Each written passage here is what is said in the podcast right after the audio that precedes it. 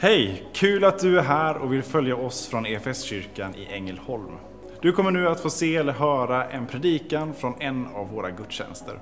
Har du några frågor eller vill veta mer om oss som kyrka så kan du alltid gå in på www.efskyrkan.info. Vill du ha tillgång till mer undervisning eller ta del av våra inspelade konferenser eller gudstjänster gå gärna in på vår Play-kanal, efskyrkan.tv. Nu ska vi lyssna på denna veckas predikan.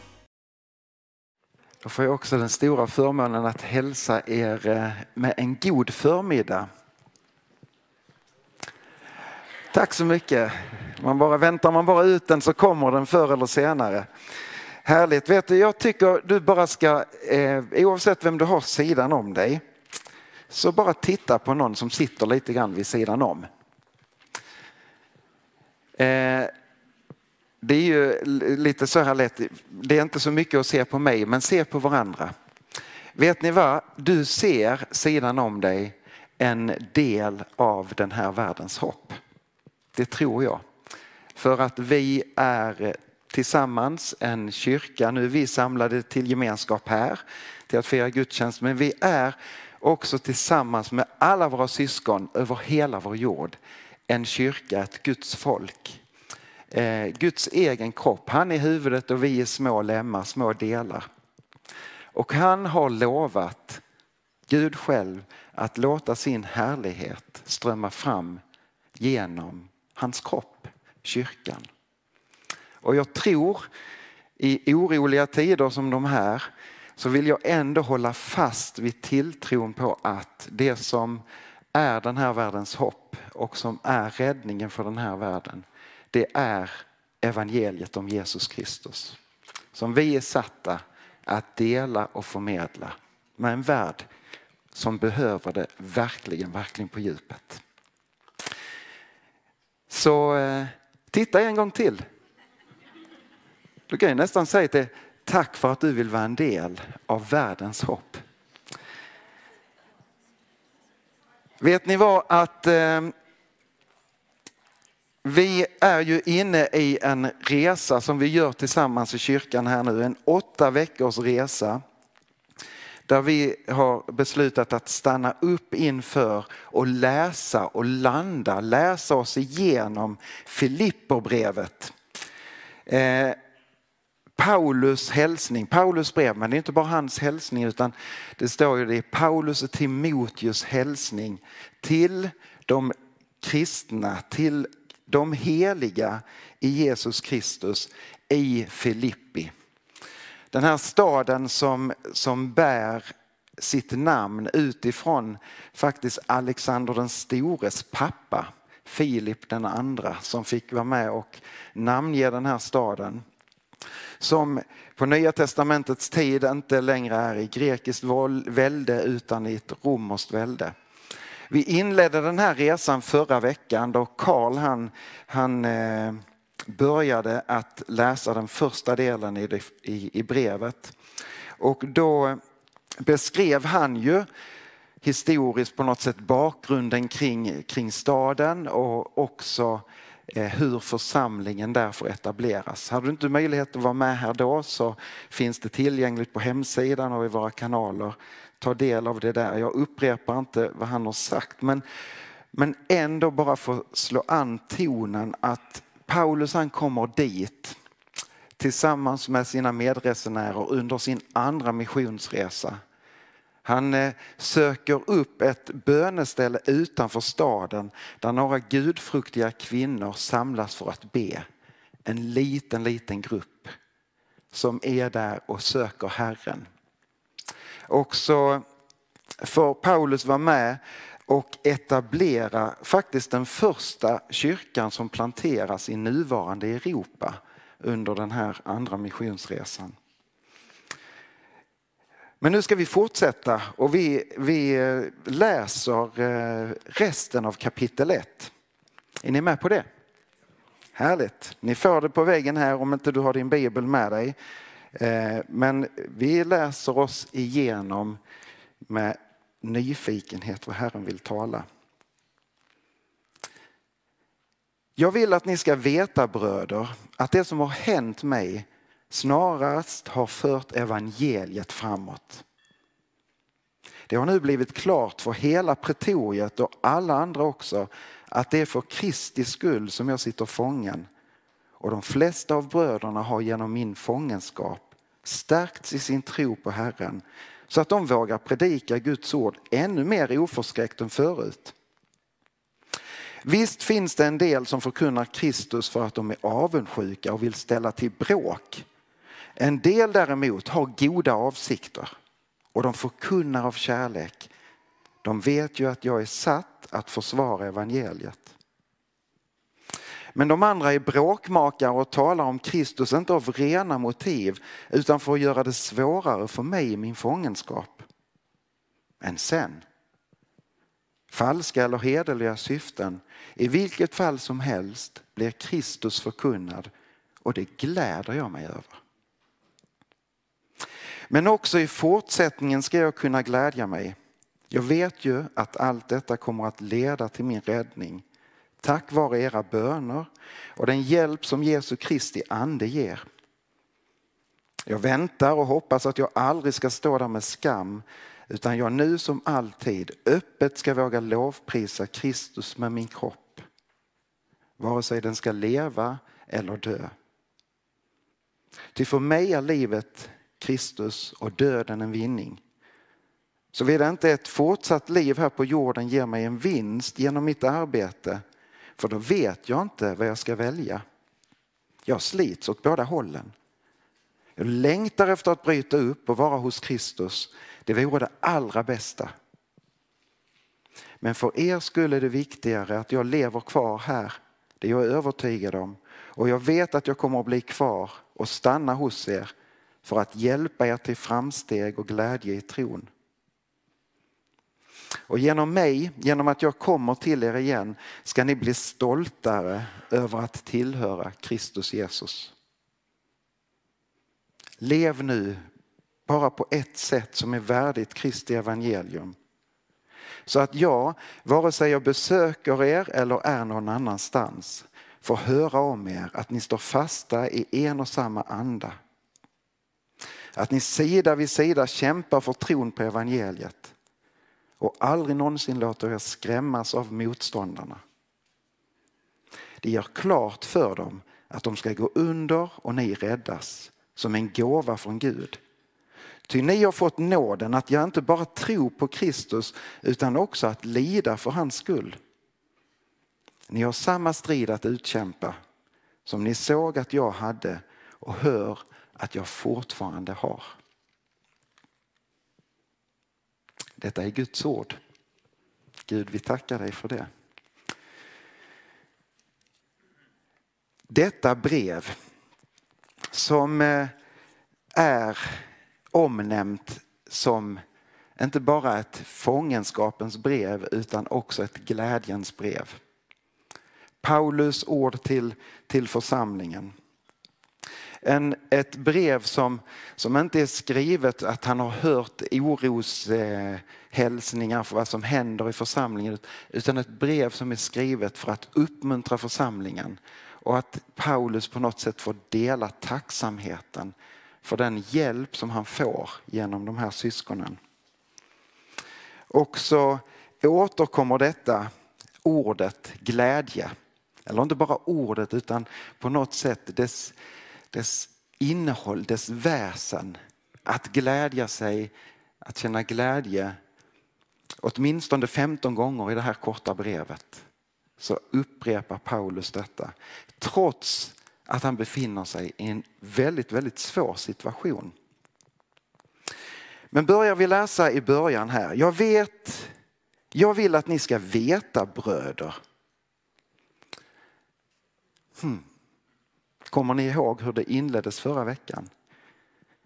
Detta är ett brev från Paulus och Timoteus till alla de heliga i Kristus Jesus som bor i Filippi. Och, jag, och så börjar han tala om bröder. Eh, ursäkta men alla ni underbara kvinnor. Nej, jag ber inte om ursäkt. Ni är inräknade i detta. Detta är ett uttryck som Paulus han liksom ärver och plockar med sig från, från det judiska sättet att omtala folket som en religiös enhet. Män och kvinnor, barn och gamla, hela folket omnämns som bröder. Så när, när Nya Testamentet hälsar bröderna så hälsar Bibeln de medkristna. Alldeles oavsett kön och tillhörighet på de olika sätten. Och det är ju också riktat till församlingsledarna. Och vi vet också från apostlagärningarnas läsning att, att Lydia är ju en av församlingsledarna i församlingen i Filippi. Så att det är med absolut största tydlighet riktat till oss alla. Eh, det var, jag blev rörd av att se hälsningen här innan ifrån, från Tanzania var det va? Eh, ifrån Masai-byn. Det är ett folk som inte tänker sig att man lever i ett speciellt land utan man, man rör sig fritt över gränserna på Afrikas horn. Eh, och det är beklämmande att, att höra den synen som man har på kvinnor. När vi har varit några härifrån och haft möjlighet att besöka församlingar i Masai-byarna i Kenya så, så är det så tydligt att det är kvinnorna som är ledare. Det, det är de som är i kyrkan, kvinnorna och barnen. Senast vi var där så, så var det extremt varmt så de skulle försöka vara barmhärtiga mot oss vithyade. Så att de sa att vi firar gudstjänsten ute under ett träd. Eh, men när vi kom till byn så, så hade kvinnorna och barnen samlats och sa nej vi måste gå till kyrkan, den lilla lerhyddan som man förundras varje gång man går in hur många rym, rymmer den här lilla hyddan. Och de sa vi måste idag gå till kyrkan som byggnad för idag ska männen följa med. Och de var liksom bara wow! Och så stod de där utanför och några vågade gå med in. Där är eh, kvinnorna som, som leder ett stort arbete i de byarna och de församlingarna. Läser vi då, som vi nu gjorde tillsammans här, vidare så, så beskriver Paulus sin situation. Och vi, vi kan också parallellt läsa i Apostlagärningarna 20 om hur Paulus han sitter i fångenskap i Rom. Och eh, då sitter han i, i fängslad på det här sättet att han sitter i husarrest. Och sitter man i husarrest på den här tiden i, i ett romerskt eh, fängelse eller eh, i fångenskap så har man vakter omkring sig ständigt, dag som natt, dygnet runt så är det en vaktstyrka som byter av. Och det här är fantastiskt. Paulus han, han självömkar inte sig själv när han beskriver sin situation. Utan han bara konstaterar, jag sitter fängslad och wow, jag har fått möta nästan hela pretoriet. Alltså vakt, den kejserliga vaktstyrkan. Och alla dessa soldater har fått, fått visshet. De kanske undrar varför ska vi vakta den här mannen? Han har ju inte begått något brott. Mer än att han förkunnar Jesus Kristus som, som uppstånden och som, som den levande guden. Och så får de höra evangeliet och det blir känt för dem. Jag tycker det är stort på något sätt av Paulus. Ibland när vi läser Paulus så kan vi tycka att han är ganska stor i orden kring sig själv och vad, vad har du för självbild? Men, men inte minst här i Filipperbrevet så lyser det fram att ja, men det handlar inte om mig. Det handlar bara om honom. Att jag sitter fängslad, ja det är ju snarare en fördel för det har sporrat mina andra bröder här i Rom att bli ännu frimodigare. Att ännu mer förkunna. Och då tänker jag Paulus som fick sitt liv förvandlat. Han var en intensiv förföljare av den första kyrkan. Han stod med och så när den första martyren fick sätta livet till, när Stefanos stenades. Men så fick han ett möte med Jesus som förvandlade hans liv totalt. Så han förvandlades från att ha varit en förföljare till att nu bli en efterföljare. Och det präglar hans liv. Så är den, den grad att han säger, jag kan inte backa från det här evangeliet. Jag, förbjuder ni mig tala om detta? Det går inte. Jag har mött honom. Han är på riktigt. Han har uppstått. Ingenting kan tysta mig. Och det sporrar hans syskon. Det, det är sant, hans vittnesbörd. Vad sporrar dig i ditt liv? Att dela evangeliet om den uppståndne. Vad sporrar mig? Satt i veckan och läste det senaste utskicket från Open Doors och tog del av en, en mans berättelse från Kina som verkligen får leva under radarn för att i smyg dela ut biblar och dela evangeliet. Han har suttit fängslad, blivit frigiven igen och fortsätter sitt verk för Herren. Någonstans så sporrar det ändå.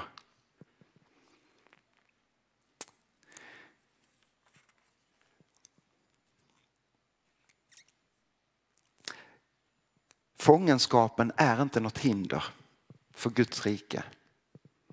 Det som fängslas och det som, som vi kanske ser som, som motgångar och svårigheter, det är inte något hinder. Gud kan vända också den mest hopplösa och mörka situation. Kanske när det meningslösa händer oss. Vi går igenom svårigheter som inte har någon förklaring mer än att vi lever i en fallen värld. Också sådana situationer kan Gud vända till sin fördel. Och där är en utmaning till oss alla att ställa våra liv där. Ske din vilja Gud. Också genom mitt liv. Låt din härlighet lysa. Filipporna har ju erfarenhet av att fångenskapen inte är något hinder. För vad hände Filipp, eller Petrus, nej, Paulus och Silas under den där första besöket under den andra missionsresan? Jo, de blir ju fängslade och, och satta i den allra innersta cellen. Det här läser vi också om i Apostlagärningarna. Karl hade uppe det förra veckan. Och de sitter där och där är en vakt som sitter och, och liksom, ja, men vaktar ju de här fångarna med sitt eget liv som insats. Kommer de här undan så stryker jag med. Så fungerar det i romarriket. Så att han var säkert på alerten. Och så där framåt natten, de sitter bojade. Då kommer de på den geniala idén att vi börjar be och sjunga lite lovsång. Hade vi kommit på det? Eller hade vi, oh, nej, eländes elände. Otrolig, otrolig förebild. Och så sjunger de lovsång och ärar Gud trots i den svåra stunden. Och vad händer? Jo, det, blir en, det skakar till och, och Gud griper in så att alla dörrar öppnas i fängelset, alla bojorna lossar. Också en bild för vad som händer i lovsången och bönen. När vakten ser detta så blir han helt förtvivlad och tänker ta sitt liv. Och då ropar Paulus nej, nej, nej, var rädd om dig. Vi är kvar. Och så kommer den här vakten med hela sitt hem, hela sin familj, kommer till tro. Och är ju alldeles säkert med i den här församlingen som får det här brevet. Kanske han till och med är en av medhjälparna som får den här hälsningen. De vet av egen erfarenhet. Hamnar vi i fångenskap, det som binder oss, så är det inte ett hinder för Guds rike att gå fram. Sen fortsätter Paulus att säga också, detta pekar ju på att han, hans ödmjukhet inför sin egen situation. Att de här som predikar med olika motiv, vissa gör det av kärlek men vissa gör det för att på något sätt sätta åt mig. Och jag, när jag läser det så funderar jag på vad är det som är orsaken? Vad är det som gör att, men kanske det har kommit en konkurrenssituation i församlingen. Mm. Paulus han får väldigt mycket uppmärksamhet här. Mm. Så det är några som börjar predika och försöka skaffa sig kanske en egen plattform. Och så bara Paulus, han går inte till rätta med, med sitt, och det gör han ju i Korintierbrevet eh, och församlingen där. Dela inte upp er. Nej, han bara konstaterar, det spelar ingen roll, bara Kristus blir predikad. Bara människor får möta honom, får lära känna honom.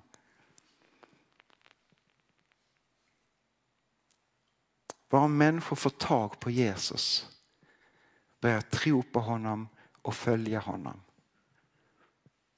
Det är Paulus innersta drivkraft. Sen läser vi vidare om hur han delar ändå sin brottning inför detta att han är fängslad och han står inför två utvägar. Antingen kommer han att bli frikänd eller så kommer han att bli dömd och då med all sannolikhet till döden. Och så resonerar han kring det. Och säger, ja för mig är döden en vinning. Då får jag flytta hem till Herren. Det skulle vara det bästa. Men där är någonting som sliter i mig för jag vet inte, jag har inte fått klarhet. Och så delar han den här brottningen. Men det enda som ligger för honom, jag lägger mitt liv i Herrens hand. Ske din vilja Gud med mitt liv. Oavsett vad det tar mig så vill jag att det ska få tala om dig. Vad står det? Nu har jag ju Bibeln i hand så jag behöver inte gå efter den. I vers 20. Jag väntar och hoppas att jag aldrig ska stå där med skam utan jag nu som alltid öppet ska våga lovprisa Kristus med min kropp vare sig den ska leva eller dö.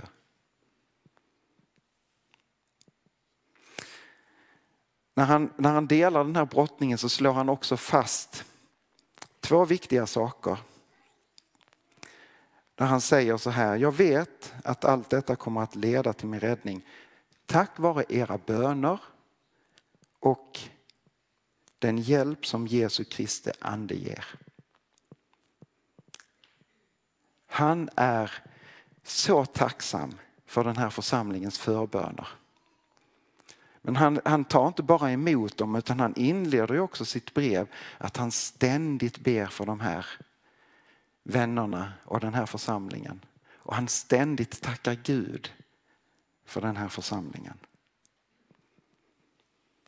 Så tänker jag att det är en hälsning till kyrkan i alla tider, till dig och till mig.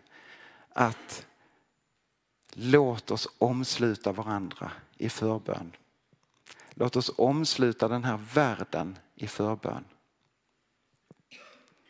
Jag tycker det är så härligt. Ungdomsgruppen här i kyrkan har gjort eh, en inbjudan till hela församlingen. Så den är riktad till er alla. En fredag natt, det står, hänger på dörren lappar ute på dörren där man kan till och med signa upp sig. Eh, bjuder in till en bönenatt från fredag klockan åtta till, till lördag morgon. Där vi vill låta det få vara en bönevaka här i kyrkan. Gå inte förbi den där lappen utan att fundera på, ska jag inte skriva upp mig på en timme eller en halvtimme? Komma hit och be.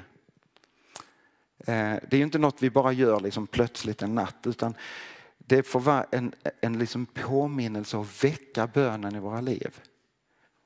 Den här världen behöver våra förböner. Och vi behöver varandras förböner. Idag så ropar många Shalom över Israel. Fred över det här landet. Det är många som ropar för civila både i Israel och i Gaza, på den judiska och den palestinska sidan. Gud förbarma dig. Och så sa vi, Malin och jag här i morse att Ja, man hinner bara få den rapporten och så helt plötsligt är det en hälsning från Afghanistan som har drabbats av en, en jordbävning med tusentals döda. Så läser vi vår tidning. Det, det bara kommer och kommer. Vi lever i en tid där vi vet mer vad som händer på hela jorden än för hundra år sedan. Men vi kan nog vara ganska överens om att det är mycket att be för. Och Malin sa så fint, ja, snart får man bara gå tillbaka till den där barnabönen. Gud, rädda hela världen. Amen. Ja. Men så kanske Gud lägger något speciellt på ditt hjärta. Att stå i bön för någon eller något. Den här världen, både i det nära lilla perspektivet, möte en människa till en annan människa, men också nationer emellan, är behov av förbön. Och vi är kallade tillsammans att stå i den kampen.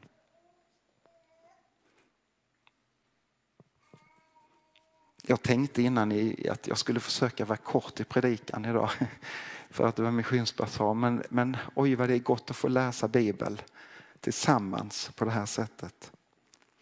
Bara avslutningsvis för att ta den sista delen där Paulus han skiftar över fokus från att beskriva sin situation och i det också komma med en hälsning till församlingen. Men nu kommer hälsningen. Lev nu bara på ett sätt som är värdigt Kristi evangelium. Så att jag vare sig jag besöker er eller är någon annanstans får höra om att ni står fasta i en och samma ande. Att ni sida vid sida kämpar för tron på evangeliet och så vidare. Här använder i den här delen och i stora delar av det här brevet så använder Paulus också eh, kopplingen till de militära termerna. Filippi som är en romersk befästningsstad med mycket militär närvaro. Och eh, han, han återkopplar på något sätt till ett språk som många av de här vännerna är välbekanta med. Ni ska strida, ni ska stå sida vid sida. Jag tänker på den romerska, hur många här inne har läst Asterix och Obelix? Klokt av er, det är fantastiskt. Man lär sig mycket där. Ser ni bilden framför er av de romerska soldaterna som formerar sig i en grupp med skölden framför sig. Och så sköld sida vid sida och över sig. Och så är det en sköld i mitten som lyfter upp och så tittar det upp något huvud och tittar. Det är nästan som en stridsvagn som tar sig fram. Så fungerar den romerska rustningen. Paulus han, i ett annat brev så, så knyter han an till, till Guds vapenrustning som en direkt kopia av den romerska rustningen. Vad äger vi i tron på Kristus? Jo, vi har frälsningens hjälm, vi har sanningens bälte, vi har rättfärdighetens pansar, vi har villighetens skor. Vi har trons svärd som är Guds ord. Men vi har också skölden. Skölden som skyddar från den ondes alla pilar. När jag är med och guidar på Bibelns värld så har vi en sån här romersk rustning och det, det är så härligt när man får gestalta, eller härligt, men det är lite härligt att få vara romersk soldat faktiskt lite grann. Och man gömmer sig bakom den här skölden och kryper ner och så inser man, ja men den täcker ju hela kroppen. Men när den får slå armkrok med någon annan så bildar den ett ännu starkare skydd. Och Paulus han säger, kämpa sida vid sida för evangeliet. Kroka arm med varandra, det är en styrka i det. Vi är inte kallade att agera på egen hand utan tillsammans som Kristi kropp. Så manar Paulus församlingen att leva i det som de faktiskt äger. Kristus har tagit sin boning i dem. Lev ut det. Lev ut det i ord och i handling. Visa med era liv. Låt er inte skrämmas utan stå kvar. Folk kommer att förstå när ni står sida vid sida. Se hur de älskar varandra. De kommer att förstå vem Fadern är. Så jag säger till mig själv, jag säger till församlingen här, men det är en hälsning till hela Guds kropp. Lägg er vinn om förlåtelse och kärlek. Älska varandra. står sida vid sida. För det förmedlar evangelium. Precis som vi får ta emot förlåtelse av Gud så får jag också leva i den förlåtelsen gentemot mina syskon och vänner. Och vet ni vad? Vi har en strid att utkämpa. Och jag fascineras, eller fascineras inte, men jag, jag blir förfärad över att se länder och folk som lider av fattigdom och hungersnöd och svält och svåra förhållanden. Men nog är det råd till att köpa vapen. Varför är det så? Så ska det inte vara. Men ändå verkar det vara så. Var kommer alla dessa vapen ifrån? Det är som att de arsenalerna inte sinar. Men vet ni vad? Vapnen i Guds armé, det är en arsenal som aldrig sinar. Och det är en sån kraft så att vi, vi fattar inte det. Jag tror faktiskt inte det. Det är en sån kraft i evangeliet som räddar var och en som tror. Från död till liv. Det är en sån kraft i kärleken. Att älska och lyfta varandra. Vad är det som driver bort mörkret? Ljuset. Det är en kraft i det. Och du är ett ljusets barn. Och vet ni vad jag tänker?